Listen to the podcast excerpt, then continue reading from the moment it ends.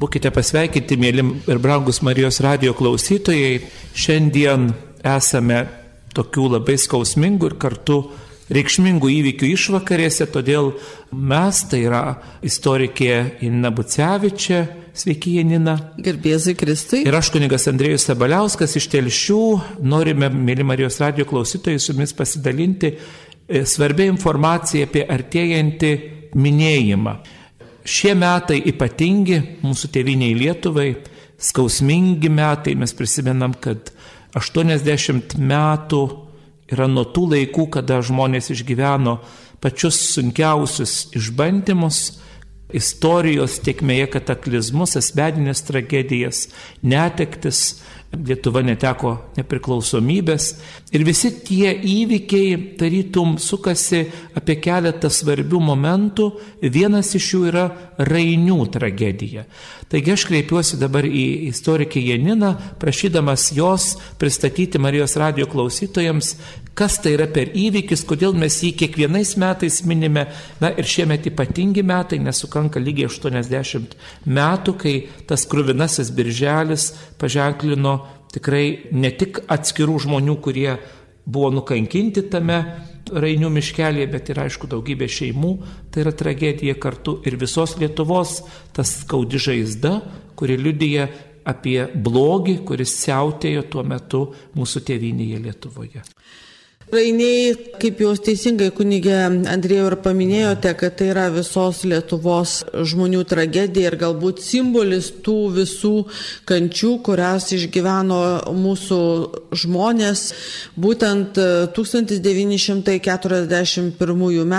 birželio 22, 3, 5 dienomis, kada prasidėjo karas tarp dviejų agresyvių totalitarių valstybių, tai yra Vokietijos ir Sovietų sąjungos. Ir besitraukianti sovietinė kariuomenė, tiksliau sakant, jos specialiai padaliniai, daugelį Lietuvos vietų sušaudė, o kai kur ir labai žiauriai nukankino būtent politinius kalinius, kuriuos tardė NKVD, NKGB Ir buvo priimtas sprendimas, kad negalint juos išvežti, na taip skamba baisiai likviduoti vietoje. Bet kas baisiausia, kad didžioji dalis buvo ne tiesiog sušaudyti, o labai žiauriai nukankinti.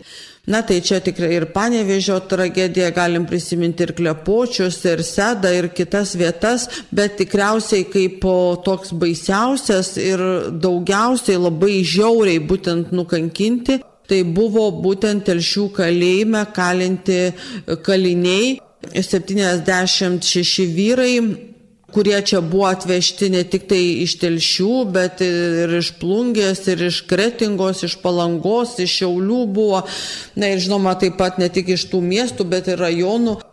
Jie visi, na, buvo išvežti į Rainių miškelį ir ten labai žiauriai nukankinti.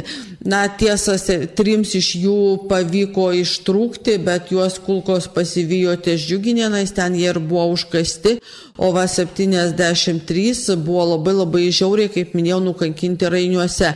Tiesiog sunku pasakoti, kad jie buvo plikomi ir verdančių vandeniu, ir badomi, ir pjaustoma oda, ir laužomi kaulai ir tiesiog kada jie buvo atrasti, o atrasti e, buvo jie labai gana greitai, nes tai viskas įvyko naktį iš birželio 24-25.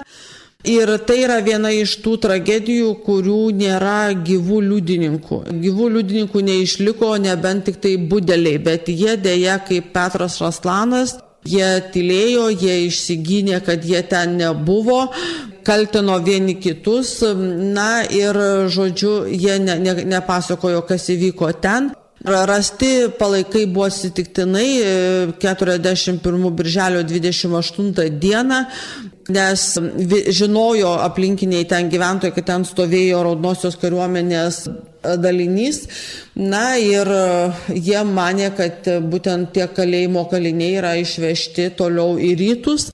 Rasti, kaip minėjau, atsitiktinai, todėl kad, na, telšių gaisrinė turėjo dvi mašinas, viena, kuri veikė, sovietai išsivarė, kad galėtų su kažkuo tai važiuoti. Na, o kita, kuri buvo sugedusi, jinai stovėjo ir ten netoliese gyvenęs gaisrininkas pamanė, kad galėtų galbūt miškelėje rasti kokią sugedusią mašiną. Reikia turėti omeny, kad to meto sovietinės mašinos, tos vadinamosios polutarkos labai gedo Tai jis tikėjosi, kad ras kokią mašiną ir atradęs detalių galės suremontuoti gaisrinę. Tačiau pavaikščiojęs po miškelį, jis, aišku, tos mašinos nerado, bet jis pamatė, kad yra judinta žemė. Tada jis pagalvojo, kad galbūt kažkas yra gero ir naudingo užkasta ir pakėlė velėną ir tada pamatė kūnus, buvo pranešta vietiniai čia valdžiai, tuo metu jau buvo vokiečiai, nes jau 26 dieną telšiuose birželio buvo vokiečiai, na ir buvo sudaryta gydytojų komisija, buvo iškasti kūnai ir buvo aprašyta, kaip ir kas nužudytas, tai reikia pasakyti, kad iš 73 tik tai 10 buvo rastos kulkos, visi kiti buvo tiesiog subadyti, suskaldyti keušai Va šitokiu baisiu būdu jie visi buvo nukankinti ir tu reikia suprasti, kaip tai buvo baisu, kad iš 73 46 net net pažino artimieji. Tiesa, dar keletas buvo iš jų iš kretingos, na, o kretingiškiai apie savo šeimos narių žūti ir kankinystę rainiuose sužinojo tik tai jau po laidotuvių. Bet vis tiek galim sakyti, kad 40, o gal ir jiem nebūtų pavykę atpažinti tų savo likusių artimųjų. Na ir visi jie buvo padaryti karstai, atvežti į telšius, čia buvo didžiulė minė žmonių. Eisenos katedros šventoriuje vyko šventos mišios, buvo padarytas laukia altorius, nes aišku, negalėjo tiek karstų sutilpti bažnyčioje.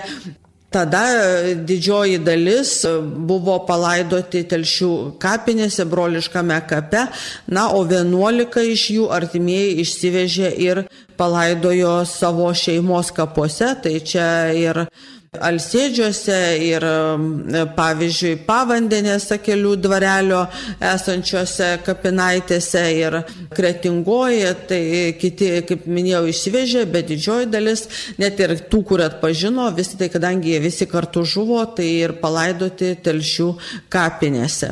Taigi ta didžioji masinė kapavietė yra senosios telšių miesto kapinėse, ten ilsisi pulkas jaunų vyrų, kurie buvo žiauriai nukankinti ir kada mes svarstom apie tai, kodėl tokia strategija buvo pasirinkta, tikriausiai visada iškyla kaip ir visose menininko akise tas įamžinimas, apie kurį dar kalbėsime šiek tiek, Ir kaip ir buvo pabrėžęs e, nekarta dabartinis e, krašto apsaugos ministras, daktaras istorikas Arvidas Anušauskas, na, žmogiškojų protų tie žiaurumai sunkiai vardyjami, mes tikinti žmonės sakom, kad tai yra šetoniško kažkokio įtakojimo padarinys, nes žinoma, tai padaryta žmonių rankomis, bet pats principas šitaip elgtis su tikrai nieko dėtais nekaltais žmonėmis, nes nebuvo jokių bylų,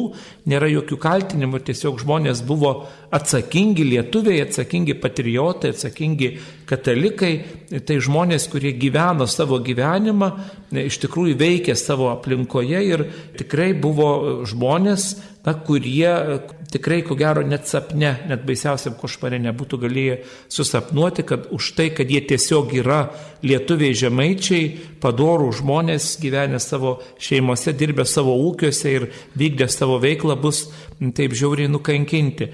Kada mes minime šitą sukakti, visada yra koks nors ar renginys, arba kažkoks tai vienas ar kitoks paminėjimo būdas. Šie metai ypatingi ir va, noriu Marijos radio klausytojams priminti, jog buvo visai neseniai suorganizuota labai graži konferencija Rainių tragedija atmintis gyva Jis buvo skirta kaip tik tai tam įvykiui paminėti ir žinoma, tai vyko birželį, birželio 14 simbolinė diena, mūsų tautos kančios, bet ir vilties dieną mes tą kartu minėjome ir renginys konferencija buvo išsamus, buvo daug gražių strateginių ir įdomių pranešimų.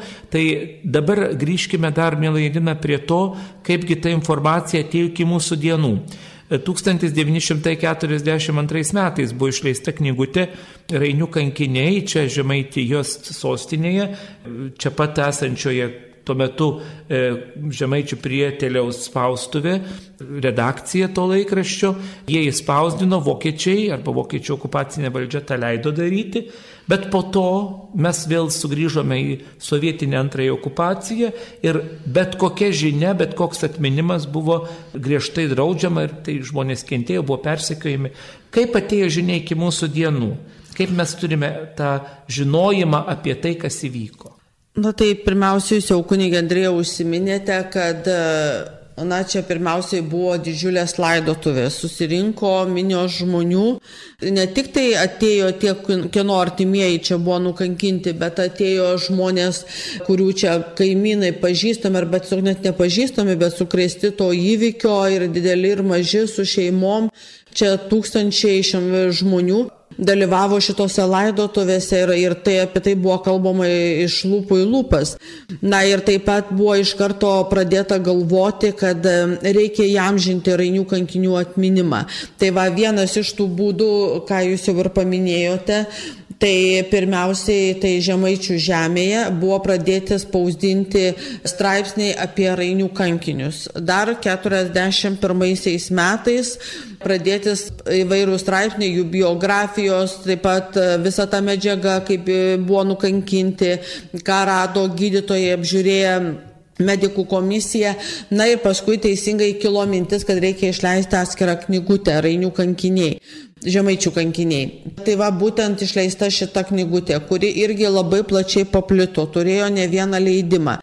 Taip pat iš karto pradėta mąstyti, kad reikia jam žinti atminimą. Kaip? Na ir nepaisant to, kad karas, kad yra sunkmetis, kad žinot ir pinigai keitėsi, atsiminkime 40 metai, ar ne, litas, sovietų okupacija, tas sovietinis rublis, vokiečių okupacija Reichsmarkės. Tai suprantat, visi žinote, ką reiškia, kai keičiasi pinigai, net jeigu ir toj pačioj valstybėje vis tiek yra tam tikras na, kaip sakant, ne žmogaus naudai pasikeitimas, nors paskui, aišku, tai įsilygina, jeigu sava valstybė, o čia yra svetimos valstybės.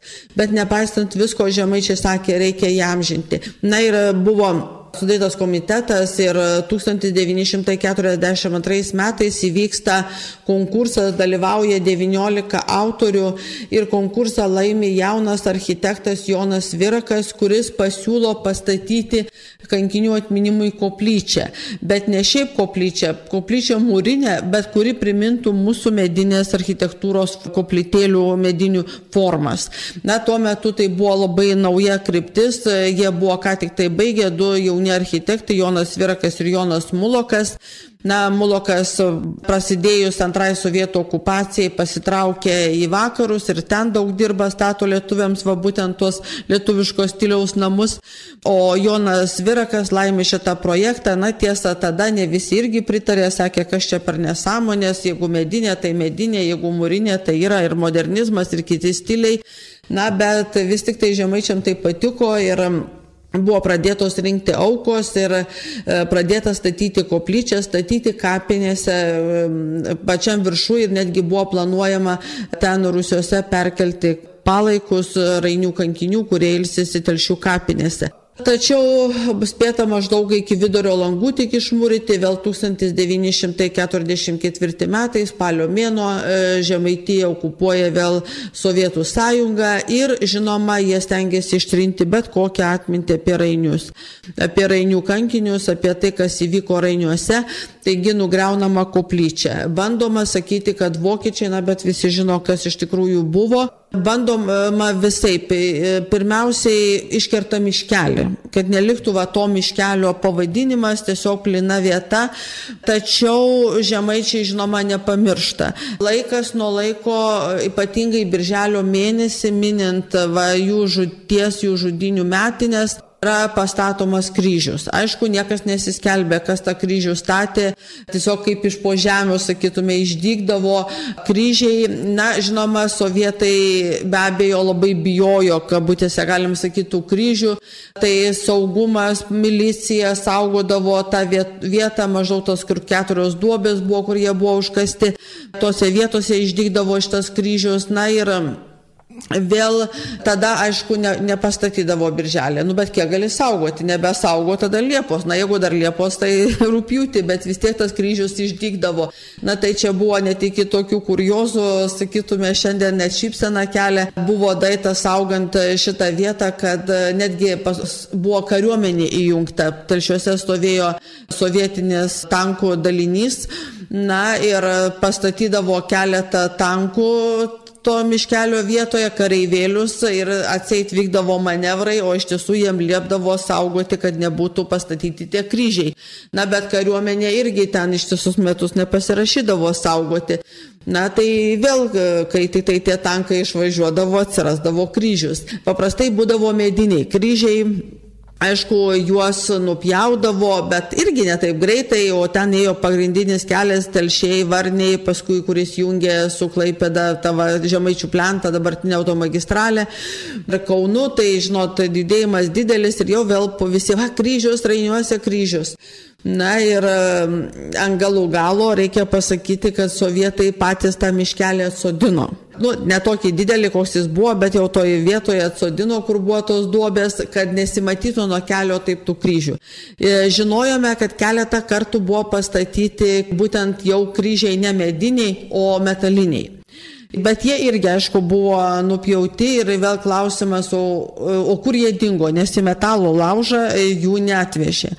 Na ir tik jau dabar, iš nepriklausomai Lietuvoje, ten maždaug kokie 3 km nuo Rainių yra Viešvenų miestelis ir Viešvenų tvenkinys ir kai jisai buvo na, tvarkomas ir vanduo išleista, tada atrado tris metalinius kryžius. Tai pasirodo, kad sumetė į e, tą tvenkinį. Tai va, tai taip žemaičių atmintis visada buvo gyva. Kitas dalykas, na, reikia pasakyti, iš rankų į rankas keliavo ir ta knygelė, nors, na, aišku, buvo labai slepiama, saugoma, aišku, ne viena ir sunaikinta, bet vis tiek įkeliavo ir buvo pasakojama. Na ir taip pat, žinoma, tas kapas. Vis tiek tai atminkime yra ne taip kapai, kaip, sakykime, yra palaidoti žuvę sausio 13 kai vienas kapas šalia kito, bet ten yra didelis vienas bendras kapas. Na tai toks kapas visada kelia klausimų, o kas yra ten palaidota neleido statyti jokio paminklo sovietai. Tik tai tokia Jono Paulausko nedidukė e, koplytėlė buvo su rūpintojėliu, jokio įrašo, nieko, bet visiems įdomu, nu kas tai per kapas, kas čia palaidota. O tas kapas, tai reikia pasakyti, yra prie pat kelio, prie pat šalygatvio. Tai, kad nesimatytų nuo šalygatvio ir taip žmonėm nekeltų daug klausimų, buvo užsodintas aukštom tujom. Na, bet nepaisant to, lapkričio pirmą šitas kapas, galima sakyti, degdavo žvakučių liepsnų jūroje, nes žmonės, na, kurie tik tai galėjo, aišku, kas galbūt užėmė kokias pareigas vadovaujančią savaime, aišku, negalėjo ten uždegtos žvakutės, nes buvo kapas stebiamas, bet eiliniam žmogui O, o ką jam padarys? Jisai uždegė žvakelę, bet, kaip bet kuriam mirusiam ir, ir tiek. Ir reikia pasakyti, šitas kapas buvo saugomas visada.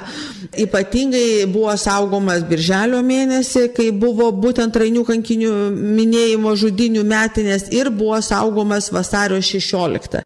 Tai būtent prisimint Lietuvos nepriklausomybės atkūrimą, Lietuvos nepriklausomos valstybės sukūrimą, tiksliau sakant. Tai paskutinį kartą, kas už tai yra nukentėjęs, tai buvo būtent kunigas e, Numgaudis. Nuo to metu jis, aišku, nebuvo kunigas, jisai buvo tik tai telšiuose Zakrastijonu, vat mūsų katedroje dirbo kartu su savo e, dar vienu bičiuliu ir jie du nunešė antrainių kankinių kapo būtent vainiką Na ir, aišku, su tautiniam juostelėm papuošta ir už tai jie buvo suimti ir nubausti 15 parų arešto. Na, vėliau jau nepriklausomai Lietuvoje, aišku, tai buvo nuliuotas jų teistumas, bet va štai irgi paskutiniai, galima sakyti, nukentėjo už tai, kad e, prisiminė Rainių kankinius.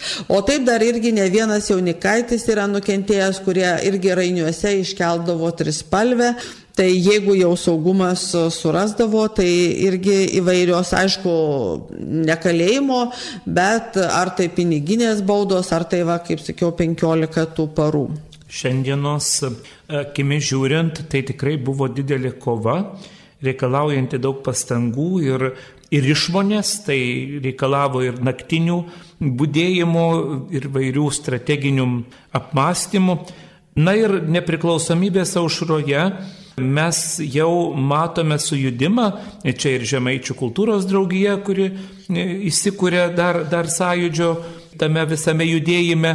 Ir, ir aišku geros valios žmonės ir turintis atminti kiti žmonės pradėjo ko gero judinti tą mintį, jog reikia vis dėlto kažkaip tą vietą ir, ir, ir tą įvykį na, paženklinti tokiu ryškiu, aiškiai matomu ženklu. Na ir dabar, kas važiuoja iš Varnių į Telšius, visada pamato iškilę, gražią, įspūdingą koplyčią, kuri pasitinka atvažiuojančiuosius pagrindiniu keliu, tuo geruoju asfalto keliu. Na ir jinai ta koplyčia iš tikrųjų stovi arti telšių, kadangi rainė yra prie pat telšių, jeigu dar kam kyla klausimas, kurioje vietoje yra ta kančios vieta.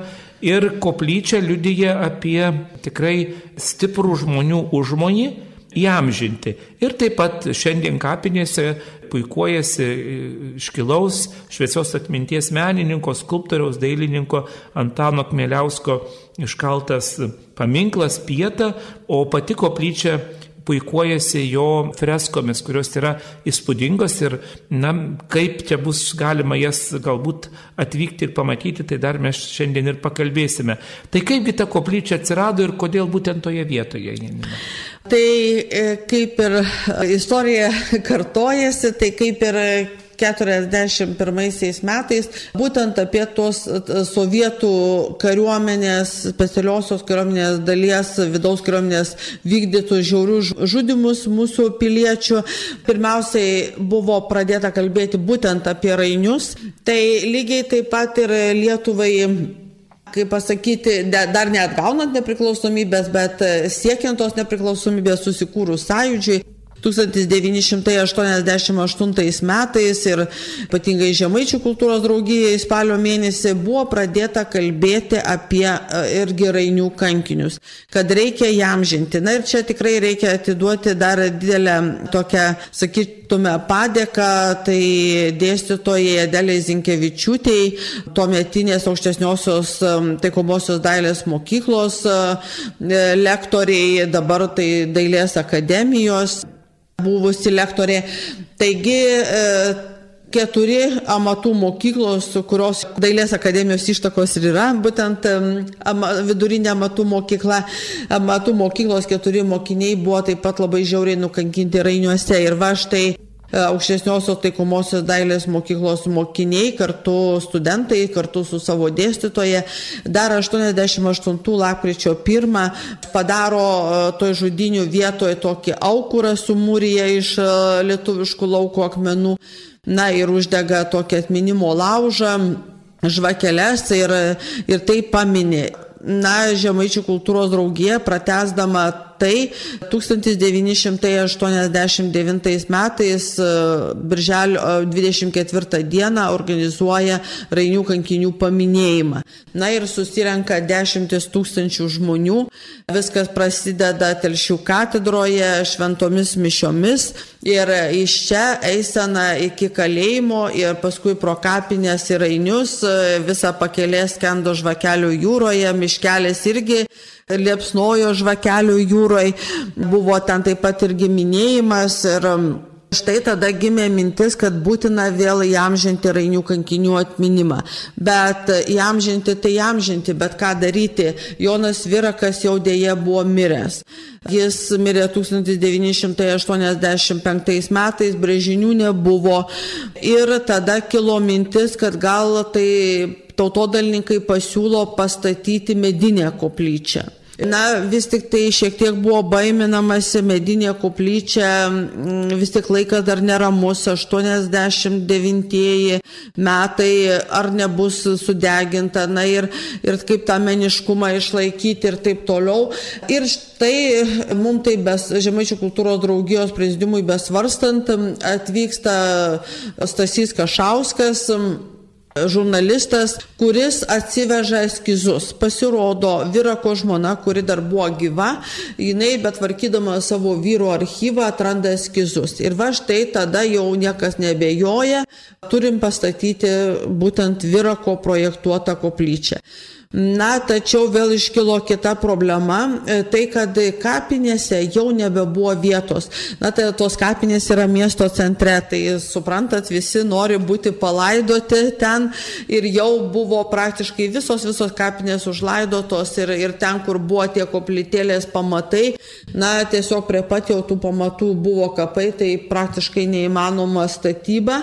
Na ir tada kilo klausimas, o kur pastatyti tą koplytėlę. Viena mintis buvo buvo pačiam Rainių miškelį, kur jie buvo nužudyti, bet vis tik tai mums pasirodė, kad tai yra per sakralu kad tai turi išlikti va tas miškelis, kurį, kaip minėjau, sovietai patys atsodino tą eglyną, kad nesimatytų ir tiesiog palikti tą miškelį, o pastatyti tarp dviejų kelių aukščiausiai vietoj, netoliem Rainių ir mes labai norėjom, kad šita koplyčia būtų ne tik tai Rainių kankinių atminties vieta, ne tik raudonojo, viso raudonojo teroro atminties vieta, bet kad jinai būtų ir maža bažnytėlė koplyčia išaugusiam Rainių miesteliui kuri net, kuris neturėjo savo bažnytėlės. Taigi, kad jinai būtų ir šventovė, veikianti, gyva ir ne tik tai paminklas. Tai pagal eskizus jau telšiuose dirbęs vyriausio architektų Algirdas Žebrauskas padaro naujus brėžinius, jie šiek tiek padidina, kad jinai vat ir tarnautų kaip maža bažnytėlė. Ir tokiu būdu yra pradėtos, pradamos rinkti aukos, labai daug aišku prisidėjo gamyklos, kaip pavyzdžiui akmenės cementas davęs būtent nemokamai cementą. Buvo taip pat ventos plytų fabrikas fabrikas nemokamai davė visas silikatinės plytas. Na ir 1990 m. vasario 6 dieną buvo pradėta statyba. Dar Lietuvos net nepriklausomybės nebuvo. Bet praktiškai, kai pasakydavom, kad tai bus Rainių koplyčiai, labai daug žmonių dirbo veltui, e, labai daug įmonių davė savo techniką veltui. Žinoma, šiandien mes negalėtume už, tos, už tą sumą pastatyti, nes iš tikrųjų vienintelis žmogus, kuris buvo samdomas, tai buvo darbų vykdytojas. Kitus žmonės arba samdydavom ir jiem apmokėdavom už tą dieną, surašydami dokumentus, arba žmonės sakė, mums nereikia pinigų, mes tiesiog padarysime. Dėl tų rainių kankinių. Jie žuvo už mus, mes darome jiems. Iš tikrųjų, statyba buvo, sta, e, vyko labai labai sunkiu laiku. Atminkime, Lietuva paskelbė nepriklausomybę netrukus, na, atrodytų viskas gražu ir gerai, bet, kaip sakoma, niekas nebuvo gerai. Buvo, atminkime, ekonominė blokada.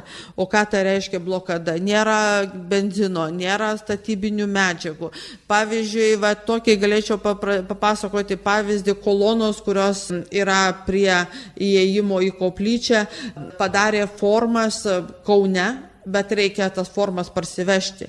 Kaip parsivežti? Degalų nėra. Na tai telšių įmonė susidėjo degalus iki Kauno, o Kauniškė užpylė degalus, kad grįžtų tas automobilis į telšių su tom formom, kad galėtų atlieti kolonas. Tai, tai daug va tokių dalykų, arba reikėjo, pavyzdžiui, ieškoti, kur gauti, sakykime, vieną ar kitą medžiagą, ypatingai kai norėjome, kad būtų ilgamžės varinis stogas, tai ieškojo po visą Lietuvą. Šiandien tai, sakytume, galbūt net kelia ir, ir, ir juoką, ir nuostabą, nes tik tai svarbu pinigai, o visa kita parveš iš kur tik tai nori ir kokios tik tai nori skardos Bet tuo metu šitaip nebuvo. Ir nepaisant to, šita koplyčia buvo pastatyta ir 91 metų birželio 23 iškilmingai pašventinta Telšių viskupo Antano Vaičiaus. Aišku, susirinko ir daug vėl žmonių, dešimtis tūkstančių ir jau tuo metu, aišku, dalyvavo ir Lietuvos valstybės vadovai, ir profesorius Vytautas Landsbergis, Lietuvos atkuriamojo Seimo pirmininkas ir, žinoma, ministras pirmininkas Gediminas Vagnorius ir kiti Seimo nariai, vyriausybės, taigi ir daugybė vėl žmonių ir šitaip iškilmingai šita koplyčia buvo pašventinta. Šiandien turime ją ne tik kaip maldos namus, bet muziejaus, Žemaičių muziejaus Alka dėka, Rūsiuose yra ir puikia ekspozicija. Na štai ir prieartėjome prie tos tiesos, kad artėja tas 80-metis tų tragiškų įvykių. Na ir yra numatyta labai graži, išsami, tikrai įdomi programa tam paminėjimui, tai paprašysiu Janinos dabar Marijos radio klausytojams, kurie galbūt nėra buvę arba tik pravažiavę kažkada pro šalį, nes, na, paprastai reikia tartis su muziejininkais, ten galima ir aplankyti, ir ekskursijas užsisakyti, na, bet kartais tiesiog trūksta laiko arba nėra net minties, žmonės kartais taptelė, eina aplink, tai tam jubiliejui esate pasirengę, muziejininkai labai puikiai ir esat numatę labai įsame įdomią programą. Tai, tai dabar, mėly Edina, pristatykime Marijos radio klausytojus. Tai dar aš tik tai minutę pasakysiu, kad šita koplyčia yra labai gražiai išpošta, kaip jūs minite, ir freskomis, ir Regimanto Midvikio nuostabus balto marmuro kryžius, ir taip pat profesoriaus Algirdo Dovydėno vitražai, ir menininkams, ir architektui Algirdui Žebrauskui yra suteikta nacionalinė premija 1900. 1994 metais už šitos koplyčios statybą ir jos pošimą ir, ir tos nuostabios minties įgyvendinimą. Taigi tikrai labai verta jau aplankyti kaip meno objektą, o taip pat tai kaip paminklas yra, kaip sakiau, ne tik rainių kankiniam, bet ir visom raudonojo teroro aukom, nes ten yra prisimenami ir partizanai, ir tremtiniai, o šiemet 80 metų nuo pirmųjų tremimų, kaip jūs minėjote, taigi visa tai jam žina rainių kankinių koplyčia. Dabar aš tikrai labai džiaugiuosi, kad kartu bendradarbiaujant Telšių savivaldybei, bendradarbiaujant e, kultūros ministerijai buvo parengta programa Ir e, taip pat noriu pasakyti, kad yra e, ir sukurtas animacinis filmas, na, pasakojantis apie rainių kankinius. Tikrai irgi labai verta pažiūrėti, eikite į mūsų muziejaus puslapį, Žemaičių muziejaus alką, tikrai rasite.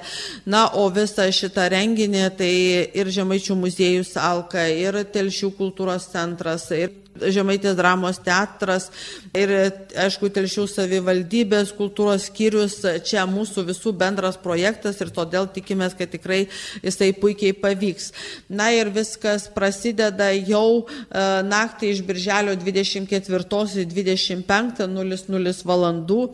Tai va, tai vidurnaktį, tai yra ta naktis, kai jie buvo nukankinti ir prisimenant šitą naktį, Visus kviečiame rinktis prie Rainių kankinių koplyčios e, ir ten bus ekskursija kurios metu ir prisiminsime ir Rainių kankinius, ir šitos koplytėlės statybą ir visą tą istoriją pasipriešinimo, nes Rainiai tapo, galima sakyti, visos mūsų tautos pasipriešinimui prieš sovietus.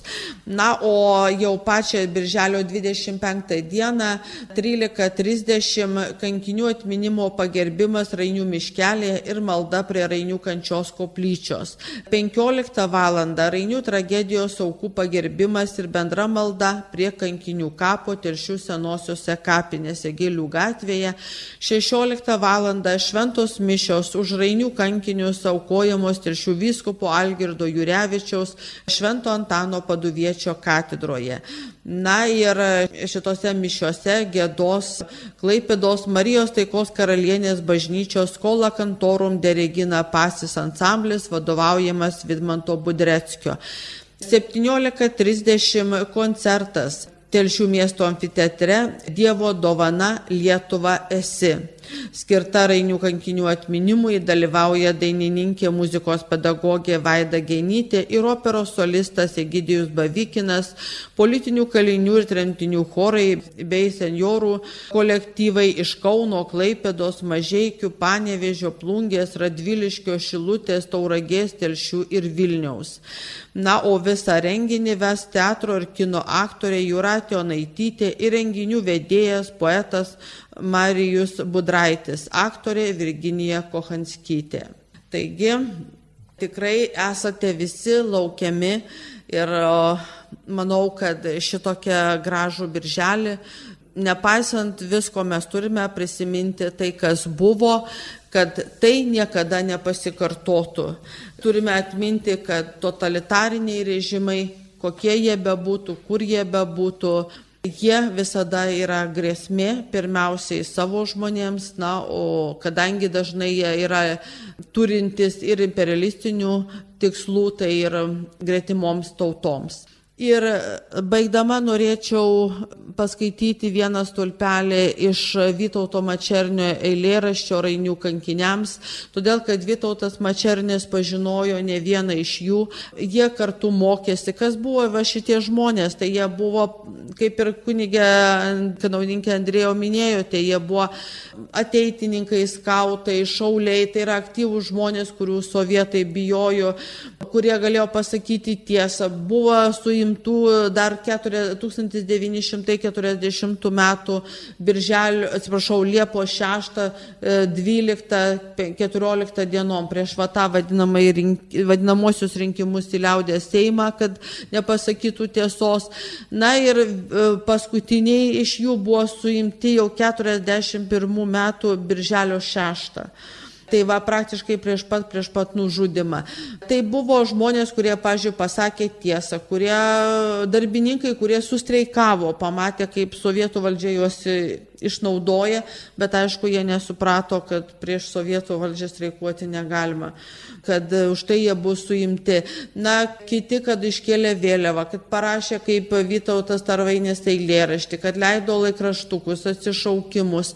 Na, tiesiog, galima sakyti, tai buvo žmonės, kurie tiesiog mylėjo savo tėvynę. Taigi, Vytautas Mačernis, mes renkamės, mes tikime, čionai tauta subręsta visiems likimo vingiams tampa atspari ir ryštasi panešti kiekvieną jai uždėtą naštą.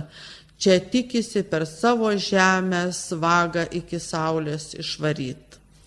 Iš tikrųjų, toks labai svarbus momentas, mėly Marijos radio klausytojai, kad dabar tai, kas vyksta Lietuvoje, ką mes vadiname laisvę, nepriklausomybę, žodžio laisvę, turime daugybę potencialo, galimybių ir, ir vizijos gyvenimui, tai iš tikrųjų yra toks na, pirmųjų krikščionių pasakymas, jog krikščionių kraujas yra sėkla naujoms ateinančioms kartoms. Drąsiai galėtumėm sakyti, kad ir rainių kankinių, ir ne tik rainių kankinių, visų kankinių kraujas Iš tikrųjų tai buvo sėkla naujos ateities kūrimui.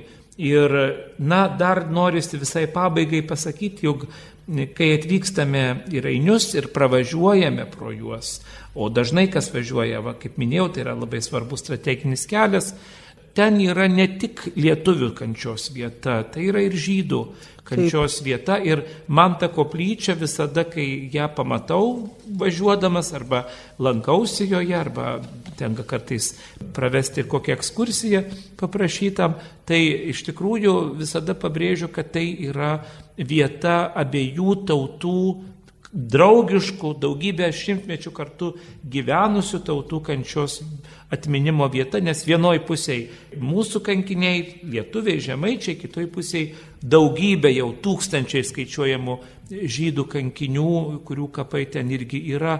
Na ir dar ta vieta, ko gero, unikali tuo, kad visos tos didžiosios tragedijos įvyko, na tuo metu savininkui esant garsiajam Kiprui Petrauskui. Žinoma, maestro nieko bendro neturėjo nei su terorizmu, nei su palaikymu to, jis tiesiog jo žemė buvo pasirinkta kaip, kaip vieta, kuri buvo paranki tiek vieniems, tiek kitiems okupantams. Taip, taip, kadangi ten Rainių dvarelis yra Ir šitas Rainių dvarelis e, buvo padovanotas prezidento Antanos Metonos už nuopelnus kultūrai, būtent maestro Kiprui Petrauskui. Tai va, ir jo toj žemėje, arba jo tuo metu valdomai valdoje vyko tie didieji įvykiai, didžiosios tragedijos. Na, tiesą sakant, tragedijos įvyko, kai jis nevaldė šitos žemės, nes sovietai pareikalavo atsisakyti šito dvarelio. Na, kadangi dar 40 metais, dar sakytume, kabutėse žaidė sovietai su tokiais žymesniais žmonėmis, tai iš tikrųjų toks yra pusiau jokingas atvejis. Kaune buvo komisaras, raudonasis komisaras pavardė Liaudis Ir šitas liaudis pasikvietęs Kiprą Petrauską pareikalavo, kad jis savo norų atiduotų tą dvarelį, atsižadėtų to dvarelio. Na ir Kipras Petrauskas tada parašė tokį atsižadėjimą. Iš liaudės gavau, liaudžiai ir atiduodu. Čia dar atskira istorija, tikriausiai prašosi atskiros Marijos radio laidos, kad galėtumėm dar apie tai, kaip čia Kipro Petrausko veikla kultūrinė. Taip, o tik tai vat, pabaigai, tai vat, jis nevaldė tuo metu, bet jau kai vėl vokiečiai užima, na, vėliau 42 metais jam gražina šitą dvarelį. Paskui, aišku, sovietai vėl jį nacionalizuoja. Taigi istorija sudėtinga, taigi, mėly Marijos radio klausytojai, tos sudėtingos istorijos akivaizdoje esame pakviesti išgyventi bendrystę, renkantis į naktinę ekskursiją, kas galite ir turite noro, bus ir vėsiau, nes vis dar karšta šiomis dienomis, Ir žinoma, 25 dieną e, ir į mišes kviečiame katedroje Telšių viskupijos ir į tą amfiteatrą nuostabų Telšiuose, kur vyks, kaip girdėjote, e, įstabus koncertas ir ekskursija ir paminėjimą.